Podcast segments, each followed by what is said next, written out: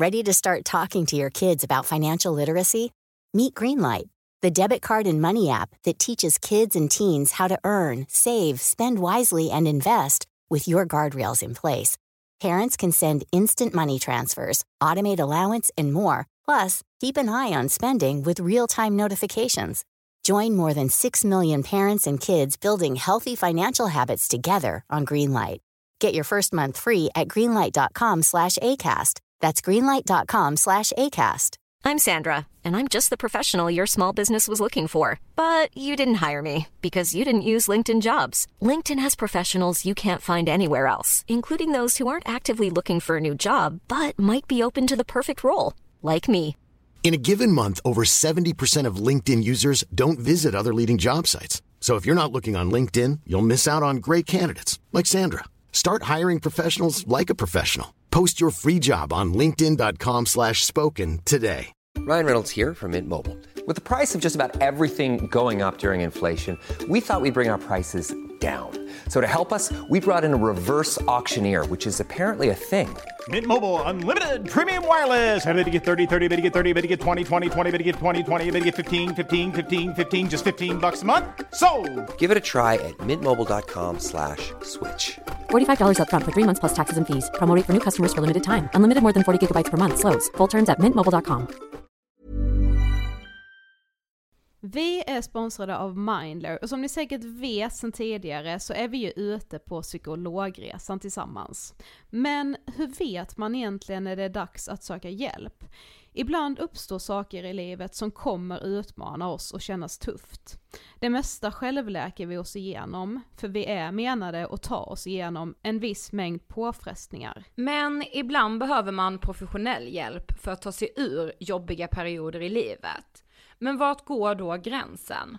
Vad är en del av livets skavighet och när är det läge att söka hjälp? Det sägs till exempel att stress är farligt, men att också kan vara bra. Alla sover dåligt ibland, så när har man egentligen sömnproblem? Ångesten kommer väl krypande för de flesta någon gång. Så när ska man se ångesten som outhärdlig? Hur vet jag? Med oss som psykolog har vi såklart min gamla psykolog Linnea Seidbrant. Men ett annat stort problem som många har är ju sömnen. Alltså hur dåligt ska man sova för att ha sömnproblem? Det här undrar jag verkligen jag, för jag, jag har ju mycket sömnproblem. Mm, just det, Ja. och det är ju väldigt vanligt problem skulle jag säga. Mm. Ehm, utebliven sömn lite då och då, det är ju inte farligt. Eh, en sömnskuld som man kallar det tar man ju enkelt igen då genom att kanske vila eller att sova gott nästa natt. Om man däremot sällan eller nästan aldrig känner sig utvilad när man vaknar, då kan ju det ha negativa effekter på din fysiska och psykiska hälsa på sikt. Mm. Ladda ner Mindler till din telefon och läs mer på mindler.se.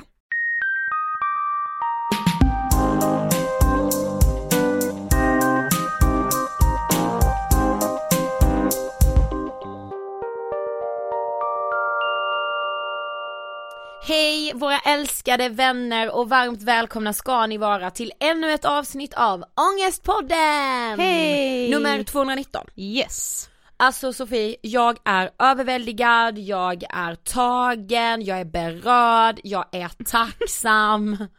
Ja. Och då menar jag givetvis över den massiva responsen på vår bok Vi borde vara lyckliga. Ja, nej men alltså, jag är lite, jag är tagen och berörd, det är jag också såklart. Nej men idag när vi sitter här så är det ju en vecka sedan boken Mm. släpptes och när det här släpps en vecka och en dag sedan. Och det är så här, den har varit, den har florerat på så många eh, sociala mediekonton, vi toppade, vi har toppat liksom vissa Adlibris listor, vi har varit med på Bokus topplista, jag behöver bli nypt i armen. Mm. Ja men det, alltså så här, uttrycket att nypa sig i armen, det vet jag att jag skrev på min instagram, den har fått en helt ny innebörd Ja, för mig. verkligen. För att, eh, ja jag vet inte, det, det kommer ta lite tid för mig att smälta detta. Ja. Men nu börjar ju liksom, nu börjar ju folk ha läst ut den. Ah, Och det är ju nästan Det det, är det. allra bästa, det är det Tycker jag jag har längtat till mm. som allra mest. Och alltså det ska ju verkligen sägas att vi kommer nog aldrig kunna tacka er nog för de fina orden. Nej. Att liksom du vet så här, de fula känslorna som vi har känt att ni liksom delar det ni har känt som ni Ja. har känt är fult eller att så här, jag borde vara lycklig men jag är fan inte det.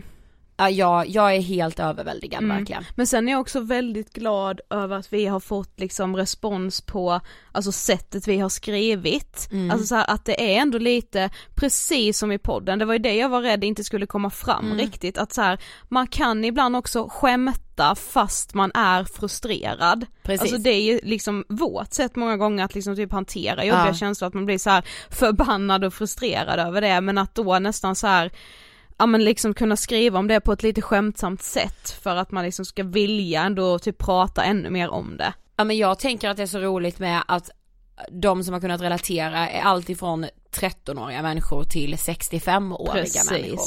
Alltså män, kvinnor, alla. Ja. Det var verkligen så här målet. Men man vet ju aldrig förrän den är släppt. Nej man har ju ingen aning, det är därför man har varit livrädd ju. Men vi får mycket frågor av er om boken finns att få signerad. Ja. Och från och med idag fram till nu på söndag den 7 i fjärde Mm. så finns det ännu fler signerade ex på Bokus. Yes. Och om du uppger koden Ångestpodden så får du den till ett rabatterat pris. Exakt, om du alltså går in på den eh, boken, den finns ju liksom två gånger på Bokus, en där det bara står vi borde vara lyckliga, ångestpodden och en där det står att det är signerade ex. Gå in Precis. där och köp en och ange koden ångestpodden.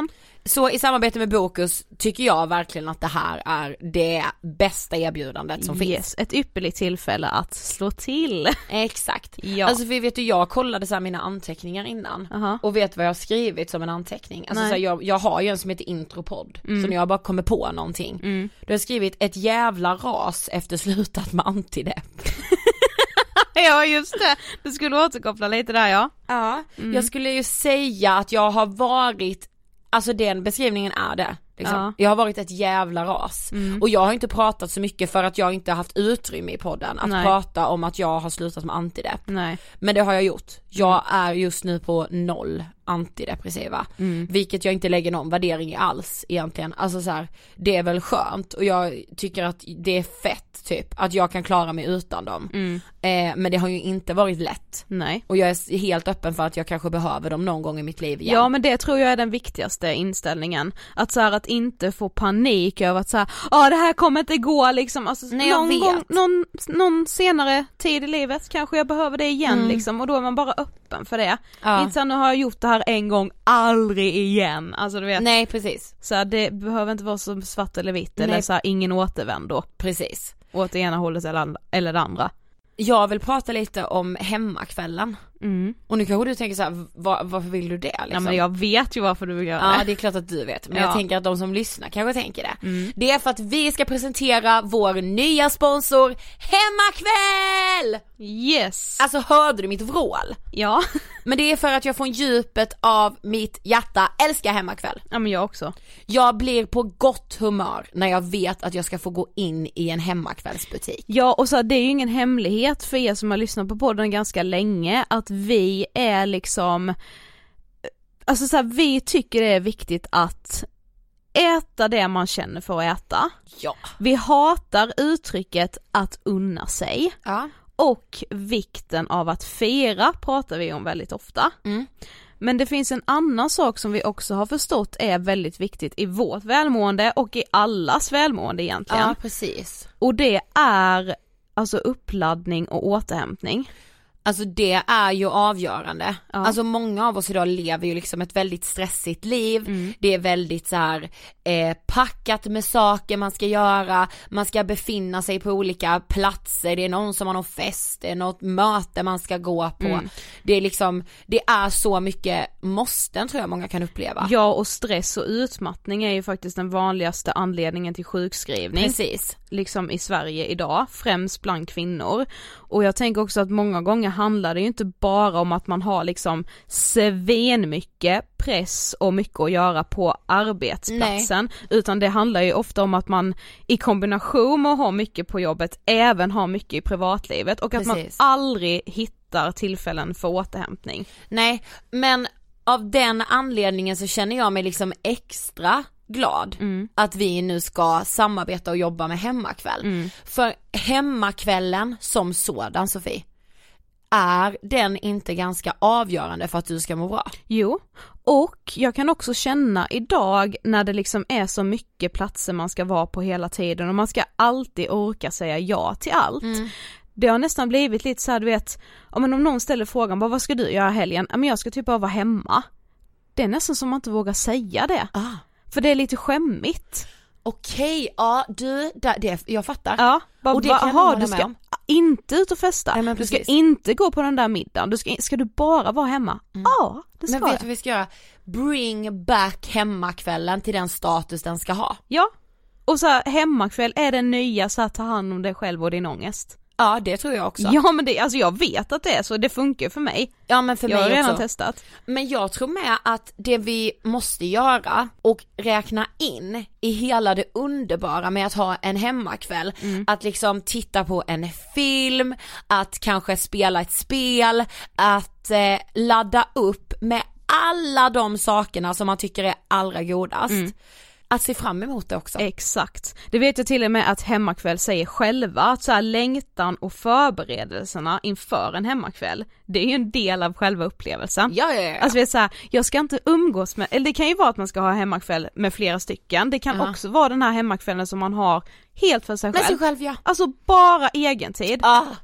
Nej, det är, he- alltså det är helt otroligt. Ja, Men en liten plusgrej jag måste säga också, jag Ja. kommer säga det här varje gång vi pratar med och om hemmakväll. Ja. De har så mycket, alltså du vet så här, De har det bästa godiset. Ja. Nej men du vet så här, de har typ så här amerikanskt och så Ja. här bara oj det här kommer från Kina. Du vet massa sånt, jag och min kille vi har som grej, när vi är på hemmakväll testar vi alltid någonting nytt. Ja för det sjuka är det finns ju alltid något nytt att testa. Jag- Oavsett om man är där liksom några gånger i veckan så finns det alltid nyheter som man bara wow. Bring back hemmakvällen till den status den ska ha, jag säger bara det. ja, varsågoda säger jag. Tack så mycket, hemmakväll. Och idag har vi med oss en fantastisk gäst, Karl Deman. Ja, men jag tyckte liksom att Karl stod bara för ett liksom energiknippe.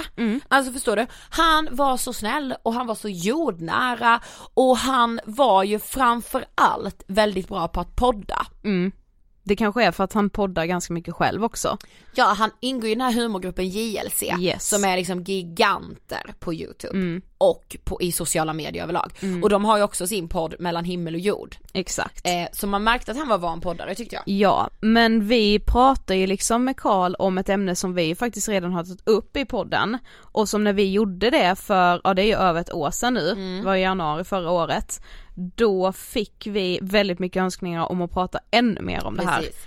Eh, vilket är spelmissbruk eller spelberoende. Ja exakt.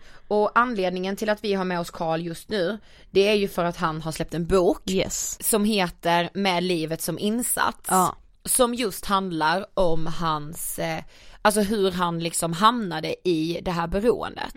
För när vi pratar om spel och spelberoende, missbruk, alltså det är väldigt viktigt att förstå att det är som vilket beroende som helst. Och, Alltså- jag, och jag känner också att så här, det blir viktigare för varje dag som går, att liksom problematiken kring spelberoende lyfts ännu mer i samhället, för alltså varenda dag ser man nya kasinoreklamer, alltså det är nya kasino, det är nya reklamer, det är liksom bara nu på vägen hit till poddstudion, hela jävla SLs... Eh, Ja! Det var ju eh, det jag sa till dig, alltså ja. vi, när vi var på väg hit och just skulle spela in det här nu och jag bara, är det här okej? Hela Kan rulltrappan. jag inte åka kollektivtrafik utan att det såhär bara du du du du du du Ja, och så här, för mig som inte själv är spelberoende eller spelar alls, jag, jag tippar inte ens på, alltså på. Lotto eller Triss eller någonting så, alltså för mig, jag blir liksom ändå alltså påverkad av att se reklamen. för det är ju så känslostyrt, alltså jag drogs ju direkt nu för jag är ju jättefotbollsintresserad, jag hejar på Bayern som Ja. många av er vet. Ja. Och då var det så här Hammarby, AIK, Djurgården och så stod det så här vad klappar ditt hjärta för? Ja. Bara, Ja, det borde jag då, alltså så Ja men alltså det är ju verkligen, alltså det låter ju helt sjukt, bara, äh, vadå är det verkligen att göra samma jämförelse? Men ja det är det. Det är som att det skulle stå folk från Systembolaget Ja! i tunnelbanan precis innanför spärrarna bara testa den här nya shotten, Ja. kolla vi har fått in en ny whisky liksom. Och så ja, skulle det eller komma. att det då skulle stå typ så här en whiskyflaska, en vodkaflaska och ett, en vinflaska och bara vad klappar ditt hjärta för? det är samma sak. Ja. Men det låter helt sjukt. Ja. Och det är alltså, när man också lyssnar på Karl och läser hans bok, för det har vi ju gjort, Ja. så förstår man också att man själv har haft personer i sin omgivning som inte har haft ett sunt spelande. Mm. Eh, och så här, spel ska vara roligt, alltså det finns ju en jättefin gemenskap i det. Absolut. Precis som att man typ festar eh, och dricker alkohol ibland. Ja. Eh, men det är så lätt att det liksom går överstyr. Och blir ett beroende. ja. Eh, jag säger nu redan innan, vi kommer säga det här efter intervjun också. Känner du som lyssnar att du inte har kontroll över ditt spelande? Eller att, du känner någon som inte har det. Ja men precis, att du spelar för mycket. Då finns det någonting som heter stödlinjen. Eh, och det är första hjälpen vid spelproblem helt enkelt. Och för att komma i kontakt med stödlinjen kan du ringa 020 819 100 och det är öppet mellan 9 och 21 alla helgfria vardagar. Eh, och man kan vara anonym i kontakten med, med eh, stödlinjen, Ja. vilket jag tycker är jättebra. Ja absolut. Eh, men vi rullar intervjun med Carl Deman om spelberoende. Varsågoda. Hej Carl och varmt välkommen till Ångestpodden. Hej, tack så mycket. Vill du att man säger Kalle? Eh, ja men det, det, det föredrar jag. Det känns lite mer så här som att vi är väldigt bra vänner då tycker jag. Ja men Kalle är mer så här, då känner vi varandra. Ja. Då gör vi det introt, vi kanske inte ska prata om dig i tredje person här. Men för de som inte vet, vem är du? Eh, ja men Karl Deman heter jag ju, men nu, nu säger vi Kalle. Mm. Eh, jag är från eh, Göteborg. Jag eh, sysslar väldigt mycket med eh, Youtube och, eh, och Instagram och, och så har vi även en podd, jag och två killar till. Jonas eh, Fagerström och Lukas Simonsson. Och så är det jag, så JLC heter vi på Youtube, men vi, vi är en liten trio som eh, som håller på mycket på sociala medier och sådär. Ni är ju väldigt stora på sociala medier Ja. också. Det känns som Ja. att alla vet vilka ni är. Tror du det? Ja. Ja men det, det är kanske många som, som vet, i alla fall många som hänger på sociala medier och sådär, Ja. eh, som har koll. Men eh, ja vi, vi, eh, vi håller på mycket Men jag pratade med min kille i telefon igår och jag bara, vet vem jag ska intervjua imorgon? Och så berättade jag det så här och han- så var han med sina killkompisar och bara VA? Vad ska du? Jag bara ja Var det så? Ja det Ja, var vad verkligen kul. så. De hade koll Ja det är bra Eh, men vad tänker du på när du hör ordet ångest? Alltså ångest Jag tänker eh, Såklart kan jag koppla det väldigt mycket till, eh, till mitt eh, missbruk Självklart eh, Sen tänker jag mycket på Alltså bakfylla typ eh, Och liksom dumma beslut i, i livet där man, eh, där man sitter och tänker på Fan varför gjorde, varför gjorde jag så? Men du är ju precis nybliven författare till Ja. boken med livet som insats Ja. och vi sa ju det till dig precis att vi är verkligen jättetagna av boken och vi gillade Mm. den jättemycket Och den handlar ju om din historia med ditt eh, spelmissbruk Men har det varit självklart för dig att vara öppen med ditt tidigare beroende? Eh, ja, men det, eller det blev det väldigt, väldigt snabbt blev det det för mig. Eh, och när det väl, när det väl blev, eh, när liksom det, när den tanken slog mig att jag skulle vara öppen med det så blev det väldigt självklart. Eh, och kändes jätte, jättenaturligt och, och inte alls jobbigt, i alla fall i den stunden som jag valde att gå ut med det offentligt och vara öppen med det så då kändes det bara, bara bra, bra liksom. Men du växte upp utanför Göteborg med skilda Mm. föräldrar. Mm. Hur ser du tillbaka på din uppväxt? Eh, men den var bra, eh, har den varit. Sen, eh, sen var det, det var lite struligt i början sådär eh, i och med att vi, vi flyttade Första halvåret så flyttade jag och min syster och min mamma till, till Växjö Mm. eh, Och eh, då fick man liksom pendla lite och åka och träffa pappa ibland och sådär och Alltså det, det är klart att det var lite, lite tuffa perioder men liksom Det var alltid jobbigt när man skulle åka ifrån pappa och åka över till, till mamma eh, och sådär och man kände att man lämnade Mm. den ena föräldern liksom ensam och hade hade ångest för det, det är ångest också Mm. Ja. eh, Men eh, annars var det, annars var det bra Mm. Det var det. Men du beskriver att du bodde mest med din mamma Ja. och att ni hade ganska så dålig ekonomi. Vad hade du liksom för känslor kring det, alltså där och då? Alltså det var eller vi hade, vi hade ändå bra ek- ekonomiskt sådär, det är liksom det, det måste jag säga, men det var Mm. liksom kämpigt, väldigt Ja. kämpigt för henne eh, Och det märkte man av eh, Och jag tror att det, det gjorde andra också liksom Men eh, Det jag kunde känna då, det var väl mycket den här begränsningen till, eh, till pengar Mm. att, eh, att man var tvungen att tänka hela tiden och, och eh, liksom inte bara kunde ja, kanske som många andra så här, kompisar i min ålder och, och så om man skulle hänga på helgen så deras, eh, deras godispåse på lördagen kunde liksom vara hur stor som helst typ. Mm. Mm. Eller många andra. Lite så var det och mycket så med märkeskläder och, och grejer. Det, men sen jag, jag växte upp i, i Partille och det, där är det liksom det, det det finns, eh, det finns liksom många typer, eller olika typer av klasskillnader men det var ändå så här, det, är många, det var många ändå som så här, bra ställt och stabila familjer liksom Så man jämför ju och sådär Mm. Jo, man det gör ju det. Ja, Speciellt när det, alltså om det går så här trender med märkeskläder. Ja. Det känns som att det kan gå lite så upp och ner men är det en Mm. sån våg med märkeskläder då märks det ju väldigt snabbt. Ja om man inte liksom kan hänga med i hela den Ja, ja. Ja, märkesvågen. Men det löste ändå det på något sätt sådär Mamma var verkligen, hon var, hon var så här, hon, hon ville verkligen att vi inte skulle känna att eh, att vi kände oss utanför på det. Så det Mm. var, vi, vi var ändå Jag tror inte andra skulle säga att det var någonting som märktes av Nej, för, det, för det löste sig alltid på något sätt. Eller typ pappa liksom vi kunde hänga och eh, Var det mycket så här, ja ah, men jag behöver en ny jacka typ. Och sen så kunde det dröja ganska länge till nästa gång. Men det var ändå så här Ja, det, det liksom fixades eh, allt till Ja. slut och jag fick ärva mycket märkeskläder av min mammas bästa väns eh, son och han, Mm. han hade bara så här, bara feta kläder eh, Och det var ingen annan av mina vänner för vi gick inte på samma skola som, Mm. som tänkte på det liksom Nej. Skönt. Ja det var livet att åka hem och tömma hans eh, garderob Jag tror den här är lite för liten. Ja exakt, den här passar inte du i Ja. Men du är någonstans mellan 10 och 11 år när du beskriver i boken en båtresa där du Mm. typ första gången spelar på maskin och redan då känner att du liksom älskar den spänningen som kommer med att spela. Ja, Kan du beskriva liksom den situationen?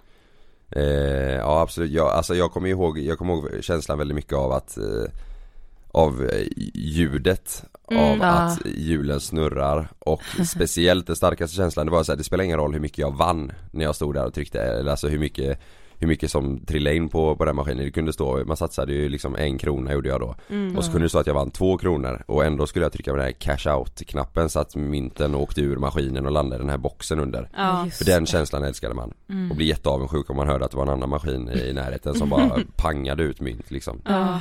Då skulle jag alltid springa bort och kolla och bara shit den tar ju aldrig slut Mm. Ja. Men var det första gången du liksom spelade? Ja, ja men det var det. Ja. Det var första gången och det är liksom en sån, jag kommer ihåg den känslan och, Mm. och då var jag inte gammal Nej. Men jag kommer ändå ihåg det väldigt tydligt Mm. Ja. Men sen under gymnasietiden, Ja. det var då liksom ditt spelande tog fart Ja precis, på, det var då det tog fart ja. ordentligt liksom. Ja, Alltså hur, hur gick det till liksom? eh, nej men det var, det var väldigt mycket på grund av att jag fick, eh, jag fick tag på falsklägg eh, Och jag började jobba extra också och sådär, eller jag Mm. jobbade extra så jag hade liksom en egen ekonomi och Kunde ju, alltså även om, eh, även om jag kanske var under 18 så var det så här, ja, det var ändå mina ihoptjänade pengar. Eh, Och jag behövde inte ha med mig någon till, eh, till eh, ATG-ombudet när jag skulle Nej. gå och spela utan jag bestämde själv.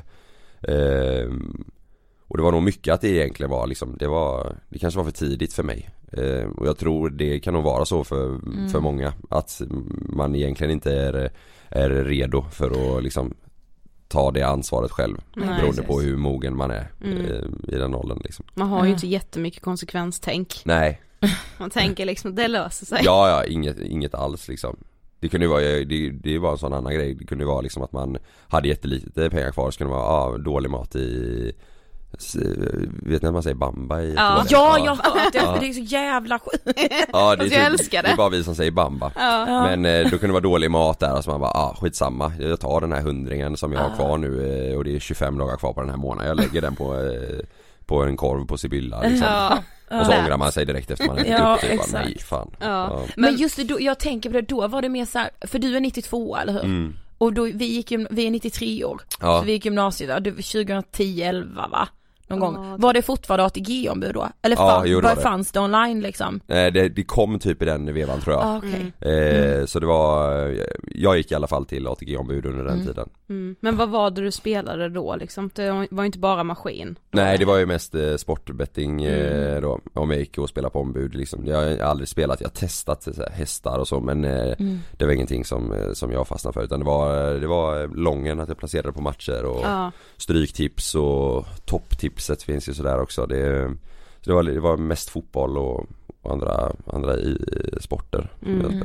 Var du väldigt intresserad av, alltså kolla på matcherna och sådär också? Ja eller i alla fall följa. Ja. Eh, jag satt liksom och uppdaterade resultat hela tiden på min telefon med så här resultatappar och, Mm. och det, det liksom, jag bara satt och drog så här tummen eh, uppifrån och ner för att uppdatera, uppdatera sidan. Så det kunde gå en sekund liksom. Mm. Eh, åt gången som jag bara satt och, och scrollade för att se om det hände någonting. Mm. Men kunde du, alltså under gymnasietiden så då pratade du, du väl ändå om ditt spelande? Alltså vad, du kanske berättade om när du vann och sådär? Ja, ja precis och Ja. även inför, jag kommer ihåg att jag hade eh, Speciellt en kille i min klass, vi pratade mycket spel med varandra Mm. eh, Och jag älskade att han också var intresserad Ja. Det var ju svinkul, eh, det var ju roligare än det andra i skolan tyckte jag Ja. Det var ju roligare att prata om det liksom. eh, Men jag kommer ihåg ändå att han Han höll inte på så mycket som jag gjorde då. Och det var ju verkligen, jag minns verkligen den tiden eh, i att det liksom, det, det bara växte för mig. Mm. eh, och, och den, den killen kan jag verkligen komma ihåg att han höll verkligen samma nivå under hela tiden, vad jag kunde märka av i alla fall. Mm. eh, Så där såg man verkligen en tydlig skillnad på oss Mm. Men kunde du typ känna att du hittade din identitet? Alltså förstår Ja, du som verkligen. typ spel, ja. Ja, Jag älskade den identiteten och ville Mm. verkligen förknippas eh, med den Mm. Jag ville, jag ville vara en, eh, en spelare, eller, så- eller jag trivdes i det eh, Och det var ju samma med sen när- när jag började spela mer och göra större satsningar så här, då var jag öppen med det också Ja. eh, För att jag någonstans gillade den, Mm. den identiteten Liksom Mm. att jag var en, eh, en gambler liksom Ja Mm. precis, ja. Tyckte Ja var- är det liksom, gillar man känslan av att vara just en gambler eller är det känslan av att så här, folk kanske vet att jag vinner mycket pengar och lite så här, ja men åh jag har mycket pengar att det är liksom, det är det är nice att ha mycket pengar i plånboken när man var- går på gymnasiet liksom. Ja, men jag tror det var, jag tror det var en, en kombination Ja. eh, Mycket av det att jag liksom var, att jag tog eh, risker och Och samtidigt som du säger att det liksom, jag kunde ha lite extra cash på mig när det Mm. gick Mm. bra och sådär och jag, jag gillade den känslan Mm. Men liksom hur, hur mycket pengar handlade det om vid det här laget? För du beskriver i boken just, ja men just den här känslan av att, ja man måste våga för att vinna liksom, ju Ja. mer jag satsar desto, visst det finns en större risk men också chans att vinna jävligt Ja. mycket pengar. Ja men det var mycket Alltså under den tiden så minns jag för mig och samma för mina vänner, det var så här. Man, man satsade en hundring, Mm. det, Mm. så var det typ eh, Max, så här, en hundralapp, 200 kronor men jag, jag var ju med den då som bara, nej men jag satsar 500 Mm.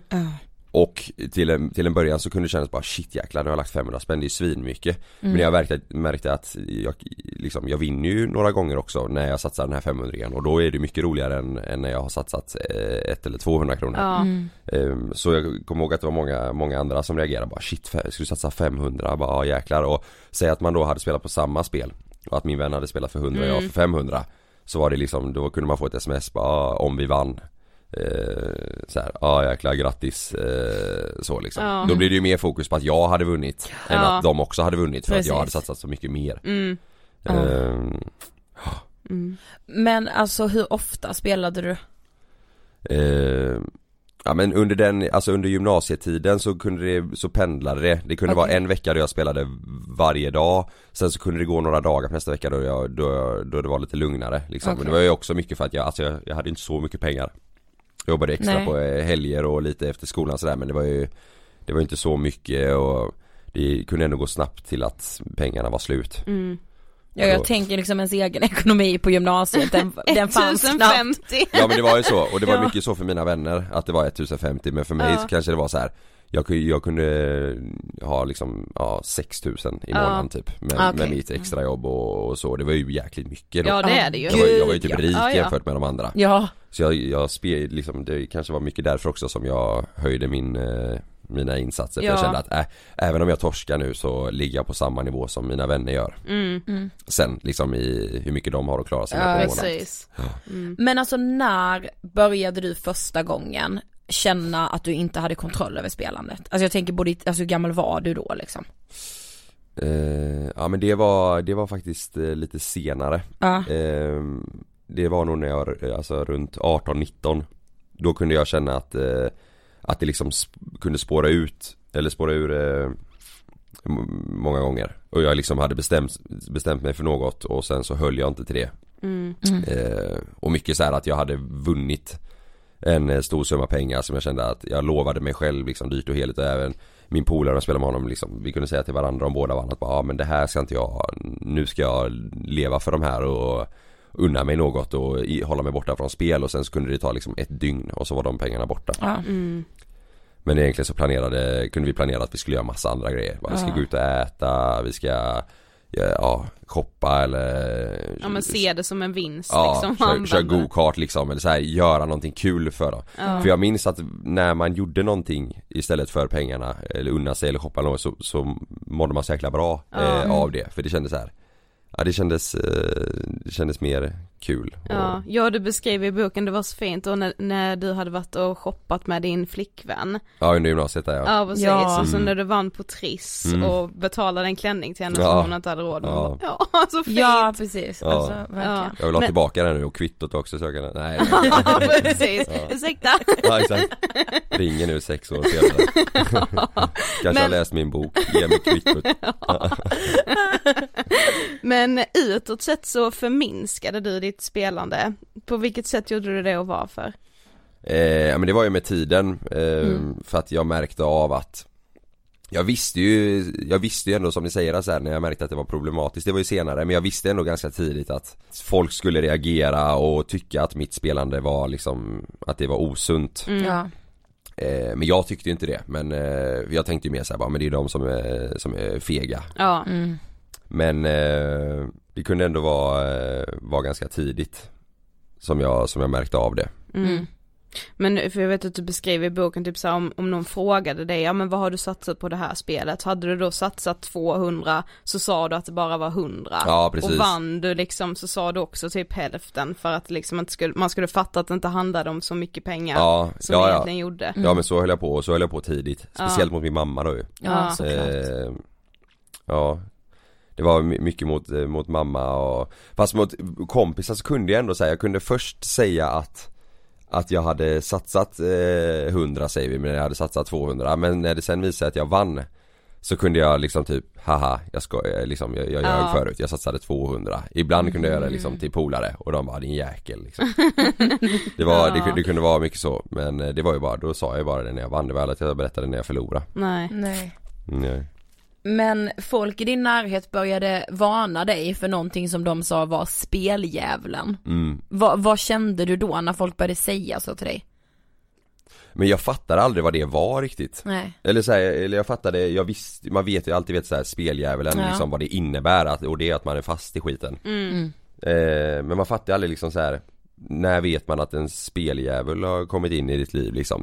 Det visste inte jag Nej. eh, Och för mig var det ju liksom hela tiden bara så här, jag är, jag är en spelare och det här är kul eh, Och liksom speldjävulen, inte, jag, sk, jag sket ju i, i den liksom Ja. Mm.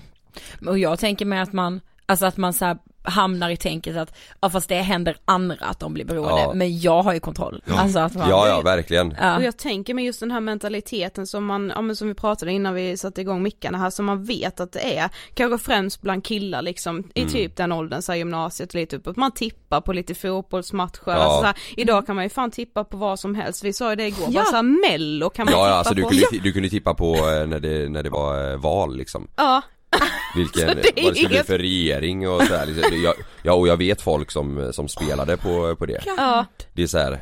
och fotbolls-VM ska vi inte prata om, Nej som alltså somras, liksom. sånt, Mm, ja. ja, det är ju det är ju en period för mig som, eh, som var jobbig alltså Ja, det förstår jag. För normalt sett så är det ingenting jag går runt och tänker på så här att bara, ah, nu vill jag eh, spela det så här, men eh, Fotbolls-VM var verkligen, det var en period då jag kunde, då, då kände jag verkligen av speldjävulen Och det vet jag med så här, min lillebror hade liksom jag vet det fanns någon sida där man då kunde liksom sätta upp hela lag, liksom Mm. och så här betta då vem som skulle göra mål och så här. och då gjorde man det som ett team, så de hade ju typ team på jobbet där de liksom då gick in med lite pengar var och så här. det vet jag min pappa har ju liksom spelat på hästar tillsammans med andra så Ja, det blir ju en sån ja. här Ja det är mycket såhär, vänskapsgrej. jobbgrej liksom såhär Ja, Ja, typ Man kör typ liksom- lotto, lottoraden Ja. med kontoret Ja, liksom exakt. Ja, men det ska ju också bara vara en kul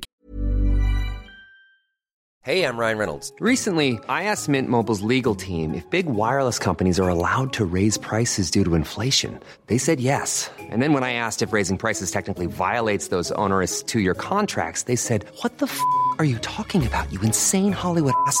F- So to recap, we're cutting the price of Mint Unlimited from $30 a month to just $15 a month. Give it a try at mintmobile.com slash switch. $45 upfront for three months plus taxes and fees. Promo rate for new customers for limited time. Unlimited more than 40 gigabytes per month. Slows. Full terms at mintmobile.com. I'm Sandra, and I'm just the professional your small business was looking for. But you didn't hire me because you didn't use LinkedIn jobs. LinkedIn has professionals you can't find anywhere else, including those who aren't actively looking for a new job but might be open to the perfect role, like me. In a given month, over 70% of LinkedIn users don't visit other leading job sites. So if you're not looking on LinkedIn, you'll miss out on great candidates like Sandra. Start hiring professionals like a professional. Post your free job on linkedin.com slash spoken today. Ryan Reynolds here from Mint Mobile. With the price of just about everything going up during inflation, we thought we'd bring our prices down. So to help us, we brought in a reverse auctioneer, which is apparently a thing. Mint Mobile unlimited premium wireless. Ready to get 30, 30, bit to get 30, bit to get 20, 20, 20, bit to get 20, 20, bit to get 15, 15, 15, 15 just 15 bucks a month. So, Give it a try at mintmobile.com slash switch. $45 up front for three months plus taxes and fees. Promo rate for new customers for limited time. Unlimited more than 40 gigabytes per month. Slows. Full terms at mintmobile.com. grej och då Ja. är det kanske svårt att inse den här speldjävulen då har kommit in för att Mm. man Precis. tycker liksom bara att det är en kul grej. Ja verkligen Men eh, går det beskriva känslorna som kommer kring det här med att, ja men nu ska jag bara spela en gång till. Du skriver det väldigt mycket i boken att så här, men nu ska jag bara spela för att vinna tillbaka de pengarna jag har förlorat och sen ska jag sluta. Men så blir det ändå att man, det går ju inte att sluta. Nej, alltså jag kunde ju ha den inställningen många gånger och den tanken om att eh, så här, nu, om jag vinner nu då kan jag, alltså så här, jag hade alltid, eller väldigt många gånger hade jag så jäkla bra plan. Jag kände mig så jäkla smart och, och att jag liksom hade struktur på det men det slutade aldrig så. Nej. Nej. Det var liksom alltid att eh, För vann jag då, om jag säger att jag hade lånat av en polare för att spela och så kunde jag eh, liksom ha som plan att Det jag har lånat, eh, det betalar tillbaka och sen så av det jag vinner så ska jag lägga så här mycket på det, sen ska jag göra det här. Perfekt, då har jag den här summan kvar till det i helgen. Eh, Men vann jag så var det mer så här bara shit, jag kan ju liksom den vinsten kan jag ju dubbla upp ännu mer eller? Ja. Gångra flera gånger och, ha, och ha det ännu roligare Men vet ni, alltså det är det jag tänker att man, alltså det är då man förstår att det verkligen är en sjukdom. Mm. När, när man tänker så här. Alltså för i min värld låter det ju helt sjukt att så här, lösningen skulle vara att okej jag har förlorat, ja men då spelar jag lite till så jag vinner tillbaka. Det Ja. låter ju helt sjukt. Men det är då man fattar att så här, nej det här är liksom inte friskt beteende Nej. liksom. Nej Men det är ju Eh. också problematiskt när det ändå, alltså liksom spelar man ganska mycket så kommer man ju också vinna och då känns det typ som enkla pengar, alltså det blir bara en jättelätt lösning på ett jävligt stort problem. Ja, men det är väldigt, väldigt mycket för stunden. Ja. Alltså vinsterna, du, du är så glad i den stunden Mm. och, och glömmer allt annat. Ehm, Så det, det är så här. Jag, jag tror i, liksom, i, den, i den perioden om jag tänker tillbaka när jag spelade som mest så här, varje dag dygnet runt. Jag hade ingen koll liksom på eh, om jag tänker tillbaka så minns ju inte jag liksom, ah, nej, men där vann jag och där förlorade jag. Så det, liksom, det, det, bara, det bara snurrade runt allting. Ja. Det var bara ett hjul som snurrade och så ibland gick det bra och ibland gick det åt helvete och Ja, oftast åt helvete såklart. Men jag tänker också alltså när man håller på med så mycket pengar och sätter in en hundring och femhundring hit och det, det känns ju bara som att pengarna blir siffror men liksom är det så här också att vinsterna typ mättas, alltså behöver det hela tiden bli högre summor för att man ska nå den där härliga känslan av att vinna eller räcker det att man bara vinner även om det så är typ 50 spänn? Nej, nej, nej det är verkligen så, eller, eh, liksom med tiden så, så till slut så känner du att en låg insats, speciellt då om du har skulder och, och behöver vinna mycket pengar Ja. Så det är liksom, det, de mindre summorna är ju inga pengar, det är bara hopplöst liksom Ja, Det är bara så, precis. äh, de, det är ingenting liksom Mm. det, det blir bara att det, det är bara jobbigt att se på de mindre summorna när du egentligen vill satsa stort liksom Mm. och inte ha den möjligheten, då störde det mer, eller jag gjorde det Mm. när, när jag mådde som värst, då, då störde jag mig mer på om jag hade liksom Även fast jag hade lite pengar Så var det bara irriterande att det inte var tillräckligt mycket för att kunna satsa och vinna stort Mm. Men vad krävdes då för att du liksom skulle känna så här: jävlar vilken god vinst? Nej men det var, jag tror det var mycket så här. Det skulle vara ganska höga odds Mm. och eh, ah, Alltså eh, Mot slutet så var det, det, det, det är så här, då, då var det verkligen, det var, ju, det var ju stora summor för mig var det Det är ju alltid olika mm, så, man ska helst inte prata belopp liksom Nej. Nu gör jag det i min bok bara för att man ska få känna min ångest Mm. Ja precis. eh, Men eh, Nej det var liksom hundralappar eh, och sådär det, det, det var ju bara hopplöst Mm. Ehm, och nej, liksom skulle jag vinna då skulle det vara några tusen liksom för att det skulle kännas som en vinst och Mm. skulle göra någon skillnad för mig. Mm. Men under 2013 så lyckades du vara spelfri i 10 månader. Mm. Men sen trillade du dit, alltså hårdare än någonsin. Ja, med tiden. Ja. Eh, till en början där 2013 Det var, det var i 10 månader som jag höll mig, eh, jag tror det var något sånt, ungefär 10 Mm. månader.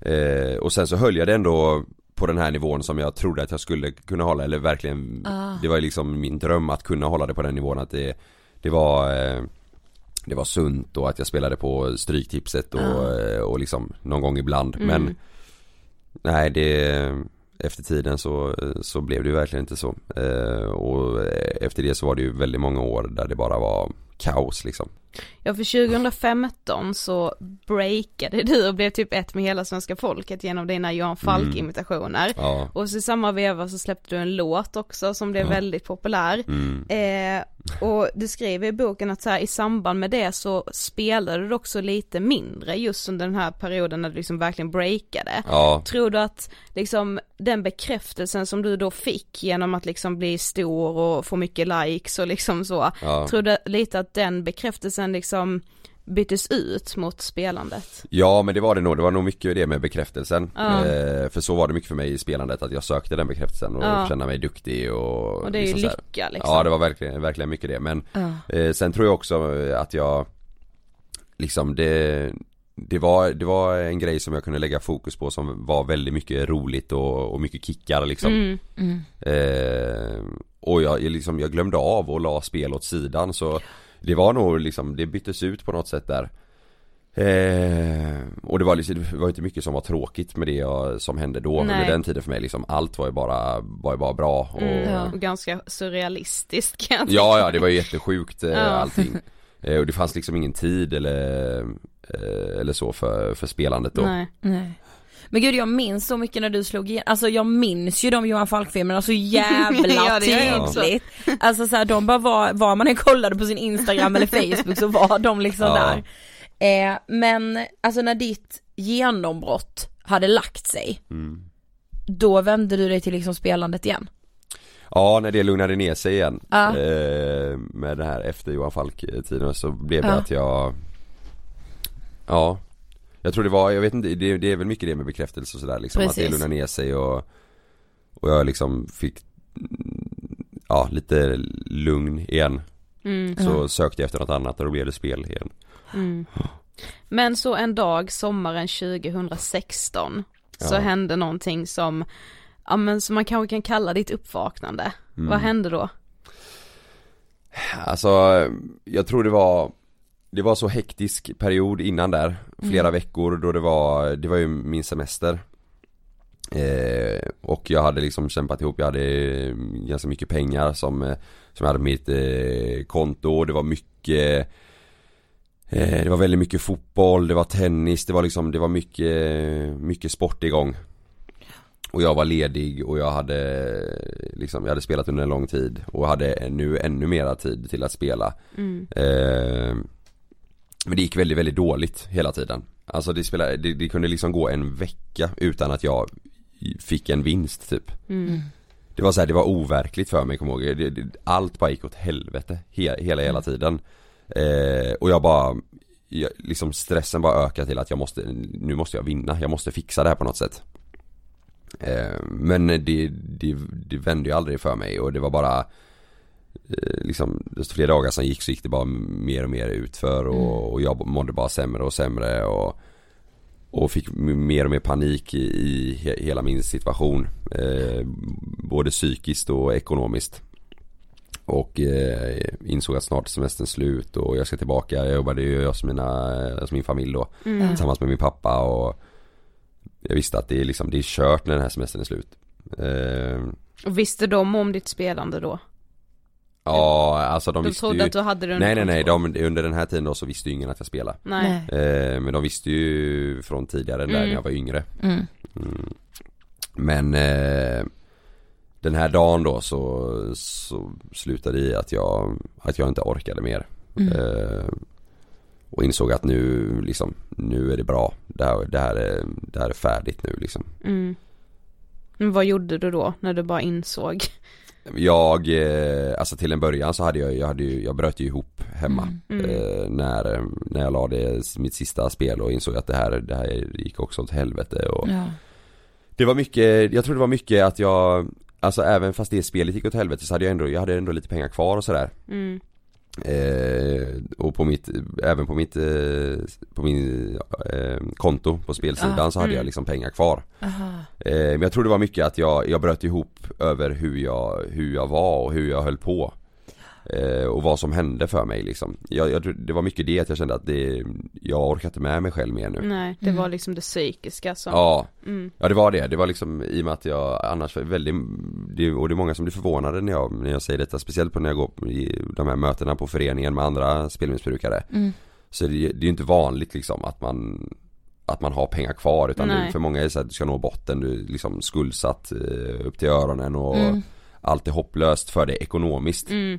Men för mig var det så fast väldigt mycket psykiskt Ehm, Och nej, det var liksom Jag kände bara att nu, nu går det inte mer Mm. Ehm, Så jag, nej, jag, jag grät ju och hade svårt att andas och eh, liksom Det pendlade mellan att jag, eh, att jag var förbannad och, och ledsen och Gick runt där i rummet och slog i saker eller på saker och Och eh, visste inte vad jag skulle ta mig till Mm. Nej, jag, visste, jag visste verkligen inte, jag hade, jag hade ingen aning om hur, hur jag skulle lösa det Nej. Ehm, Och det fanns liksom ingen, eh, fanns ingen lösning på det Och det sista som, som jag tänkte då det var ju liksom att jag, jag, kan, inte, jag kan inte berätta det här Nej. Det fanns inte för mig att ringa och berätta för, för min mamma eller Eller mitt, min flick, flickvän vid den tiden eller så här, och allra, allra minst min pappa då Mm. Det hade jag ju mest panik över Eh, Så, eh, nej det var, det, den dagen var helt fruktansvärd alltså Men du ringde ändå och berättade Ja. till slut? Eh, Det började med att jag ringde Jag hade haft lite kontakt med min kompis den veckan, en polare till mig Okej. sam, Samma kille som jag lånade pengar av när jag var yngre och sådär Ah. För att han, han var den liksom som mest kunde Eller som kände igen mitt beteende Mm. Eh, Så jag ringde honom och, och han, han liksom sa över telefon så här Under den veckan, kom jag ihåg att liksom, nu är det bra Kalle Liksom, Mm. det räcker nu, skärp Mm. dig liksom det, det funkar inte längre eh, Över hur jag spelade, det var inte det att jag lånade pengar av honom då okej. Någonting, utan det var bara mer att han, han sa liksom, du måste sluta Mm. eh, För han märkte ju hur dåligt jag mådde Ja. Eh, men den, den dagen sista så ringde jag honom och berättade och, och han sa liksom du måste berätta för dina föräldrar nu.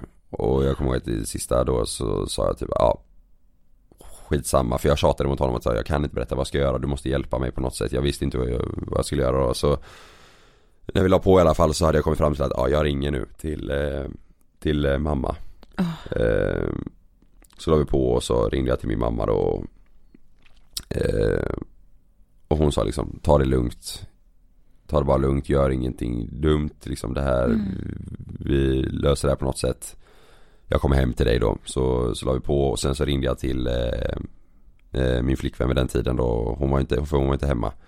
Och hon frågade bara, ja, har du berättat för någon annan? Och då sa jag, ja jag pratade med mamma. Och då sa hon, ja bra. Och så sa hon, jag kommer, jag kommer hem också. Mm. Sen gick hela den dagen och vi pratade hemma och eh, allt var ju kaos liksom. Eh, Vi pratade mycket om hur jag skulle göra med liksom Jag skulle ringa pappa och vad jag skulle säga och hur han kommer reagera och allt det där. Men i slutet av den dagen så ringde jag ändå honom på kvällen då för jag skulle tillbaka och jobba dagen efter och Ja träffas. just det. Ja. Eh, och eh, Ja det blev ju när jag, när jag ringde honom så blev det ju verkligen Då, då kände jag, eller då, jag tänkte, jag hade ju tanken då och fattade att vi kommer ju aldrig mer prata Mm. Det är ju hej då till min pappa nu liksom Mm. eh, Och trodde det ganska i, Ganska länge därefter eh, Men eh, nu idag är det ju jättebra mellan oss. Eh, Men det, men det samtalet var eh, helt, helt sjukt. Men jag tycker, det sa vi verkligen när vi läste Ja. också, att vi tycker det är så jävla modigt och bra av dig att ta med liksom hur din pappa reagerade. Mm. Alltså det blir så jävla ärligt att han, för han blev ju väldigt arg på Mm, dig. Eh, men just att ha med den liksom, jag tror det är många som skulle kanske skämmas över att ens förälder blir så arg och besviken på en. Men på Mm. något sätt är det ju liksom det är ju, det är en ganska självklar reaktion från honom, man förstår Ja. ju hela den här besvikelsen Ja och men man liksom, gör ju det och just också att kunskapen så här om, om spelberoende, alltså det är ju ingen som har den Precis. kunskapen. Nej, Eh, nej verkligen inte. Jag, alltså jag, jag vet ju det med, med boken alltså i den här stunden när vi pratade om detta och, eh, och, och skrev detta kapitlet så var jag ju, alltså Jag var ju rädd för att ta med liksom hela den eh, sanningen och hela den, det samtalet som ni säger. Mm, mm. Eh, men liksom som, det, det, det måste vara med mm. för Ja. att man ska fatta. Eh, och jag, jag, tror, jag tror att det verkligen är eh, Det är många som kan förstå den reaktionen eh, När man är liksom helt ovetandes och man känner sig så jäkla sviken Mm. Sen är det ändå så här, det är skillnad, min mamma hade ju inte, hade ju inte sagt så över, Nej. över telefon liksom. Men det är ju, det är ju jag, jag tror det är mycket sån pappagrej ja Mm. verkligen. eh, Och lätt eh, så här, ja Säga mycket, mycket grejer i, i ilska Ja och att liksom, liksom inte vilja förstå att liksom ett spel som bara ska vara kul kan Mm. bli så allvarligt att det liksom blir ett beteende som är liksom skadligt och farligt för sig själv. Ja. Det är ju, det, så är det ju med mycket psykisk ohälsa att många bara sa, ja ah, men vad fan det är väl bara att skärpa till sig, hur kan du vara så oansvarig och spela Mm. bort dina pengar liksom. Ja. Du får fan skylla dig själv liksom. Ja verkligen, men jag tror, alltså jag tror ändå, han har ändå så här känt till begreppet eh, speldjävulen och spelmissbruk och, eller spelberoende och sådär Men aldrig fattat liksom att det kommer aldrig hända liksom honom Nej. eller någon, någon nära till honom liksom, utan det, det händer, det händer folk men inte, inte, eller inte min son liksom Mm. så här, Han skulle aldrig göra så, han, och, Han kan skärpa till sig. Ja, ja, ja, liksom han kan, han, han tänker längre liksom Ja. Ja, Och jag tror det är många som tänker så Mm. verkligen. Ja ja. och tidigare så har det nog varit väldigt mycket Det är så hett ämne det här nu så det är, det är mer och mer folk som förstår men Innan så tror jag det varit mycket att man har tänkt att Det är liksom Det är folk som, som inte tänker Mm. Lite extra som sätter sig i den här situationen Ja. Precis. ja ja, att det bara är så jävla oansvarigt. Ja att det är lite korkat liksom ja, Ja, exakt. precis. Och därför tror jag mycket också att det, det är liksom en stor anledning till varför Folk som, som hamnar i det här missbruket så, att de inte vågar berätta. Ja, för att de känner sig så dum. Att det finns så mycket fördomar kri- kring det liksom. Ja, ja men det är ju inte, det är inte nice och det, du känner dig korkad och oansvarig och, och dum Precis. när du inte kan hantera din ekonomi. Ja. Det spelar ingen roll om det är spelmissbruk, det kan ju vara vad som helst, om du Ja. är dålig på att spara eller Ja, eh, ja, om du liksom precis. eh, alltid bränner din lön på två veckor på, eh, Ja. på shopping eller fest eller så här. även om det inte är ett beroende så känner man ju sig misslyckad Ja det gör Ja. man. och så får Verkligen. man höra från en vän som liksom, ja, jag är grym på att spara Ja. och är liksom alltid, Ja. för mig har det alltid varit så med min stora syster hon har alltid varit grym på Ja. att, Spara, alltså ja. jag är så här orimligt typ när hon flyttade hemifrån hon bara, jag lever på eh, två och fem i månaden liksom, på, på mat och nöje, nej men inte, inte Nej, den men- nivån nej, liksom men jag, ja, jag Men vet så här, exakt vad du ja, menar. så här, Ja, ja, det, gick inte ihop för mig Nej. och bara, nu har jag sparat ihop den här eh, summan på, eh, på ett halvår, så man fattar såhär bara, och så Var känner man kommer pengarna ifrån liksom? Ja, så fattar fått höra det liksom från eh, så här föräldrar om hur duktig min syster är Ja, så, ja. så jag tror det kan vara mycket det också i spelandet så här att jag, ja ja men snart går jag om henne här när jag Ja. tar in en stor vinst liksom så Men det är så. också sådana saker, alltså det kan ju vara en anledning till att folk faktiskt börjar spela också för att man kanske har många runt omkring sig som är skitbra på att spara, Exakt, kanske pengar. lite mer i månaden Ja. eller så tjänar Ja. man samma men för en själv känns det som att pengarna bara rinner genom händerna typ. Ja. Och alla andra bara har så jävla mycket kvar på kontot eh, innan, precis innan nästa lön liksom. Ja. Det kan ju vara så, ja, men om jag kanske har lite tur i spel här nu, så kan Fy jag ju också ja. Alltså, jag- ja men Alltså, alltså, det tror jag verkligen. Mm, Mm. Vi hade ju en period på, eller period ska jag inte säga, Nej, det var typ en helg. Men, men, ja. det var en tid under gymnasiet när det typ florerade på Facebook. Ja. En Du berättar detta nu, ja. Ja det Mm. gör jag faktiskt. Ja. En strategi för hur man skulle kunna vinna på, alltså vad heter det, roulette eller? Ja det här vita och eh, Roulette. svarta Ja. kulan. Ja. Ja. Ja, och så var det då någon jävla Facebook-sida där de liksom då hade skrivit så här, så här ska du liksom göra för Ja. att vinna. Om du satsar på samma färg så kommer du till slut vinna. Ja. Vadå såhär procentuellt så Ja, i slutändan så vinner du? Ja, Vi precis. bara, det här är ju bara det här, idiotsäkert. det här är då vi. liksom, det här har du liksom bevisen för att det funkar då. Ja. Och vi började ju direkt bara så här, fatta nästa helg när vi kan, vi kommer ju från Karlshamn så då var det så här, man Ja, åkte ner till Malmö liksom. typ och Ja, shoppade. ja. Vi bara, fatta nästa helg när vi kan åka till Malmö och shoppa. Ja, jag ska köpa den här dyra parfymen, de här dyra stövlarna, alltså det var så Testar ni då? Ja, Ja, jag testade det, gick åt Ja, vadå så här var det med, det var vid jul, Ja. så vi hade ju tag, vi tog alla julklappspengar vi hade, vi två och vår Japp. bästa tjejkompis. Nej. Jo. Och du vet vi bara, nej för, vi, först tog vi inte allt, först sa typ okej vi tar 500 var. Ja.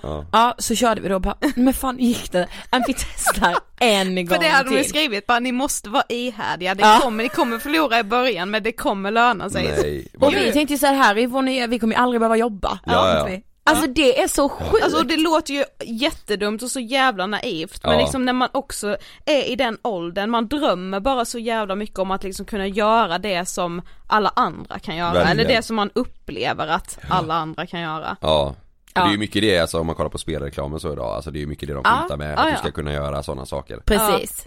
Verkligen. Lyxliv liksom. Ja, Ja. precis. Men alltså hur fick du hjälp sen? Eh, nej men för mig, för mig har den största hjälpen varit eh, i och med att jag kan gå ut med det offentligt och vara öppen med det och jag kan ju verkligen vara det. Inte bara med de närmsta utan jag, jag har ju möjligheten att vara det utåt mot alla. Ja. Eh, och det, det har ju varit det bästa för mig och är det fortfarande.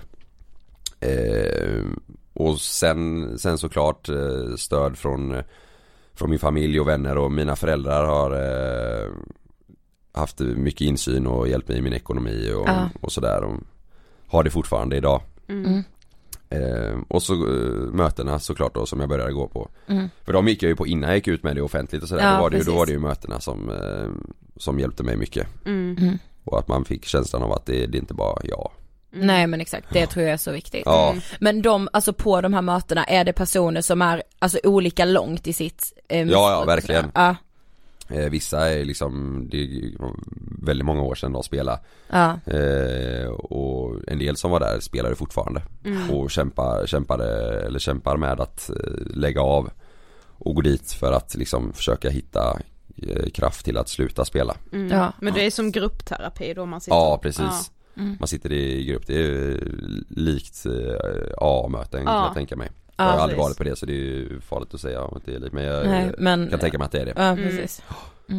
Men vad skulle du säga att du har för förhållande till spel idag? Alltså jag, jag spelar ju ingenting såklart. Nej, Eh, nej. Men eh, det, det är ju väldigt många i min, i min kompiskrets där som spelar. Mm. Mycket kompisar som, som spelar eh, mycket och, eh, och så. Och jag, det är inget, inget jag har problem med eller tycker det är jobbigt Nej. att de spelar. Jag har ändå alltid, alltid haft en inställning och känsla att så här, bara för att jag inte kan spela så ska jag, liksom alla andra sluta. Mm. Så är det inte. Eh, men däremot så är jag eh, liksom Jag tycker att det, det är oroligt och, och känns så här farligt hur utvecklingen sker i det. Mm. Ja, Ja vad Eh. tycker du om så här spelreklamer och det det är ganska många som liksom jobbar ju med kasinon. Ja, ja verkligen. gud, Eh, nej jag, jag tycker bara det håller på att spåra ur fullständigt med all Ja. reklam och ja, mängden reklam som är överallt och att den liksom dyker upp. Du kan ju inte, du kan inte gömma dig från, någonst, eh, från reklamen någonstans. Nej och det är Nej. nya nätkasinon varje, alltså varenda gång jag typ Ja. sätter på Paradise Hotel Så så, är det är- en nytt Ah. kasino som är rullar Ja. i reklamen. Ja det spelar ingen roll liksom vilken Nej. kanal typ eller vilket program nej. du kollar på. Det, Ah, det, är liksom, det, det är överallt. Ja. Eh, jag, tycker det, jag tycker det är grisigt att det får vara så. Ja. Och eh, bli arg liksom. Mm. Men Verkligen. jag tänker också så här, om någon lyssnar nu och känner att den har liksom ett, en osund relation till spel. Mm. Alltså vad vill du ge för tips? Eller om man är anhörig. Ja, Ja alltså det, det är så Speciellt för om jag ska ge tips till, eh, till spelare som du säger, Mm. någon som, som är eh, orolig Alltså känner man minsta lilla känsla av att det, att det börjar bli osunt och har chansen till att ta tag i det och eh, känner att man, att man kan göra det då, då såklart då, då är det svinbra om man kan vara tidig i att Mm. prata med någon och, Mm. och liksom blocka sig från sidorna och Ja exakt. och eh, jag tror det, det är säkert mycket, mycket yngre människor eh, framförallt som kanske har börjat tjäna pengar precis och, och sådär. Då kan det vara, då kan det vara bra att få hjälp i, med sin ekonomi och att någon har insyn i det. Mm. Ja. Eh, och så får man bara hoppas att, eh, att de liksom verkligen inser själva att det inte är bra för en. Mm. Exakt. Eh, för man kan ju ändå känna att man är liksom är, är lite orolig över att och känner att ah, men det här kanske inte är så bra men får hoppas att de, att de gör det på riktigt Mm, väldigt precis. tidigt för det, det, det är nog vanligt att man, att man kan tycka det är lite osunt bara för att det kanske går dåligt och sen så är Mm. det snabbt glömt så För det är Mm. fortfarande ganska kul också. Ja, ja precis Ja, verkligen. Så är det ju. Ja.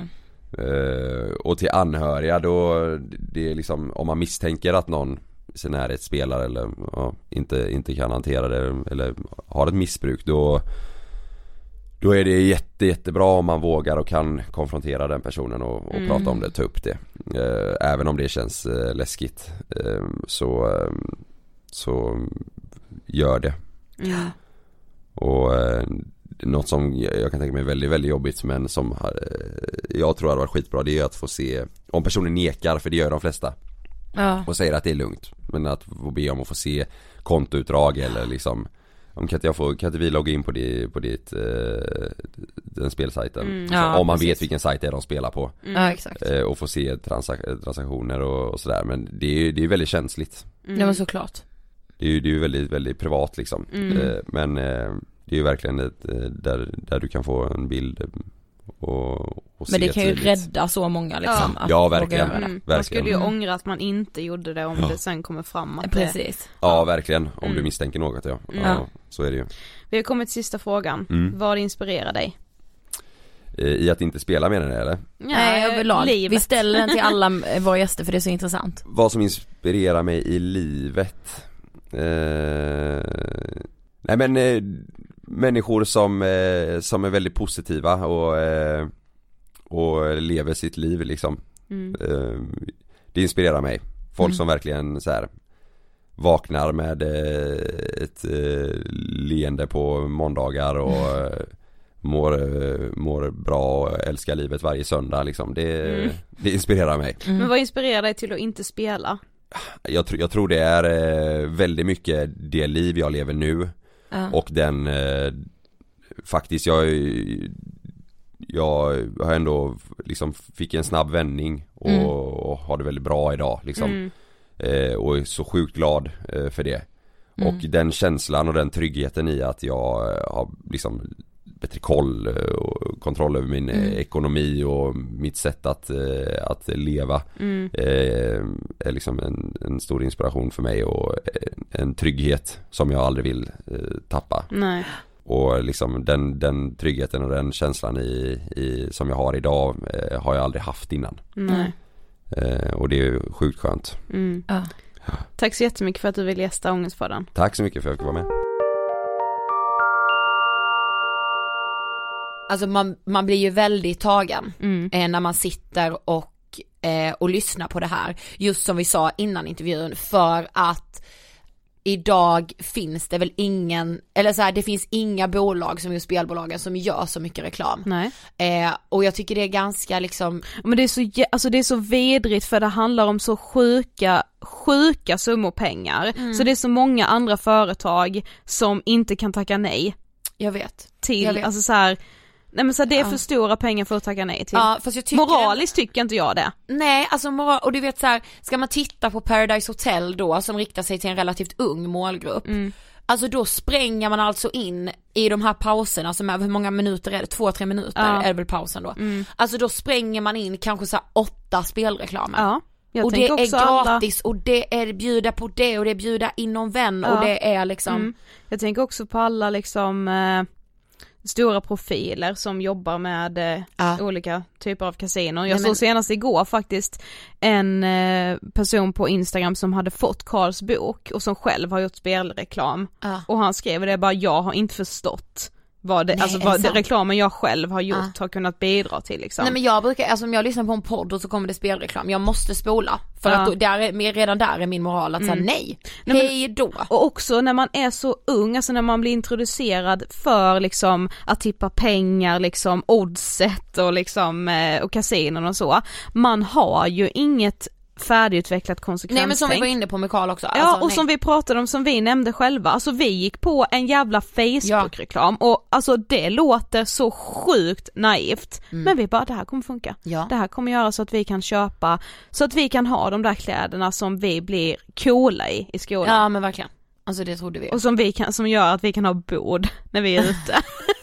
Men det är ju så. Ja men det är ju så, det Ja. låter ju, nu skrattar vi men alltså så Ja. här? Och som jag jag vet att jag sa det nu till Carl i intervjun så sa jag så här att bara, men gud alltså för en själv när man så här, frågade så låter det ju nästan dumt, alltså jag kan förstå att man tänker så här, men snälla det är bara sluta. Ja. Hur kan man tycka att lösningen är att spela det sista man har? För att det är ett beroende och man är Ja, sjuk. det är samma sak som att säga till någon som är ätstörd, det är väl bara att äta. Ja, Eller till någon som är alkoholist, det är väl bara att sluta dricka. Mm, det är ett går inte. beroende liksom. Precis. Ja, Ja, eh, alltså så jäkla glad är jag för att Karl kom och gästade Ja. vår podd. Och jag vill verkligen också slå ett slag för Karls bok som Mm. var eh, ögonöppnande och alltså så himla gripande. mm, Läs den. mm. Men du, och sen innan nu igen vill jag säga stödlinjen, återigen. Mm. Eh, det är liksom första hjälpen vid spelberoende. Mm. Man kan chatta med stödlinjen, man kan skicka meddelande, man kan ringa på ett nummer 020 819 100.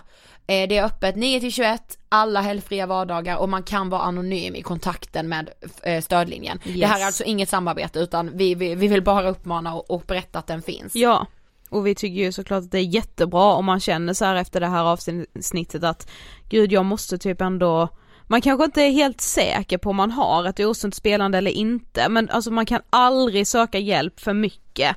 Jag Så vet ring- att det finns sådana där självtester att göra också. Men jag tror också att om, om tanken slår en att jag vet inte, jag kanske har ett osunt spelande, då är det nog inte heller helt sunt. Eh, så himla viktigt avsnitt och jag hoppas att det kommer liksom att politikerna kan göra mer eh, i den här frågan för det är Alltså man relevant. måste kunna liksom reglera spelmarknaden Man måste kunna lagstifta kring det. Ja, och reklamerna kring det, alltså hur man får göra reklam. Ja. För så som det är idag, alltså det är helt utspårat. Mm, det är verkligen det. Ja. Tack så jättemycket för att ni har lyssnat den här veckan. Ja, och om ni vill komma i kontakt med oss så vet ni att ni bara kan skriva till Ångestpodden på Instagram eller Angestpodden heter vi där. Ni kan mejla på angestpodden at ingetfilter.se. Vi svarar alltid även om det kan ta tid. Yes. Och så har vi ju vår Facebookgrupp Ångestpodden, vi pratar vidare. Okej, nästa vecka så hörs vi igen precis som vanligt. Ja, ha det bäst tills dess. Hej då! Hej då!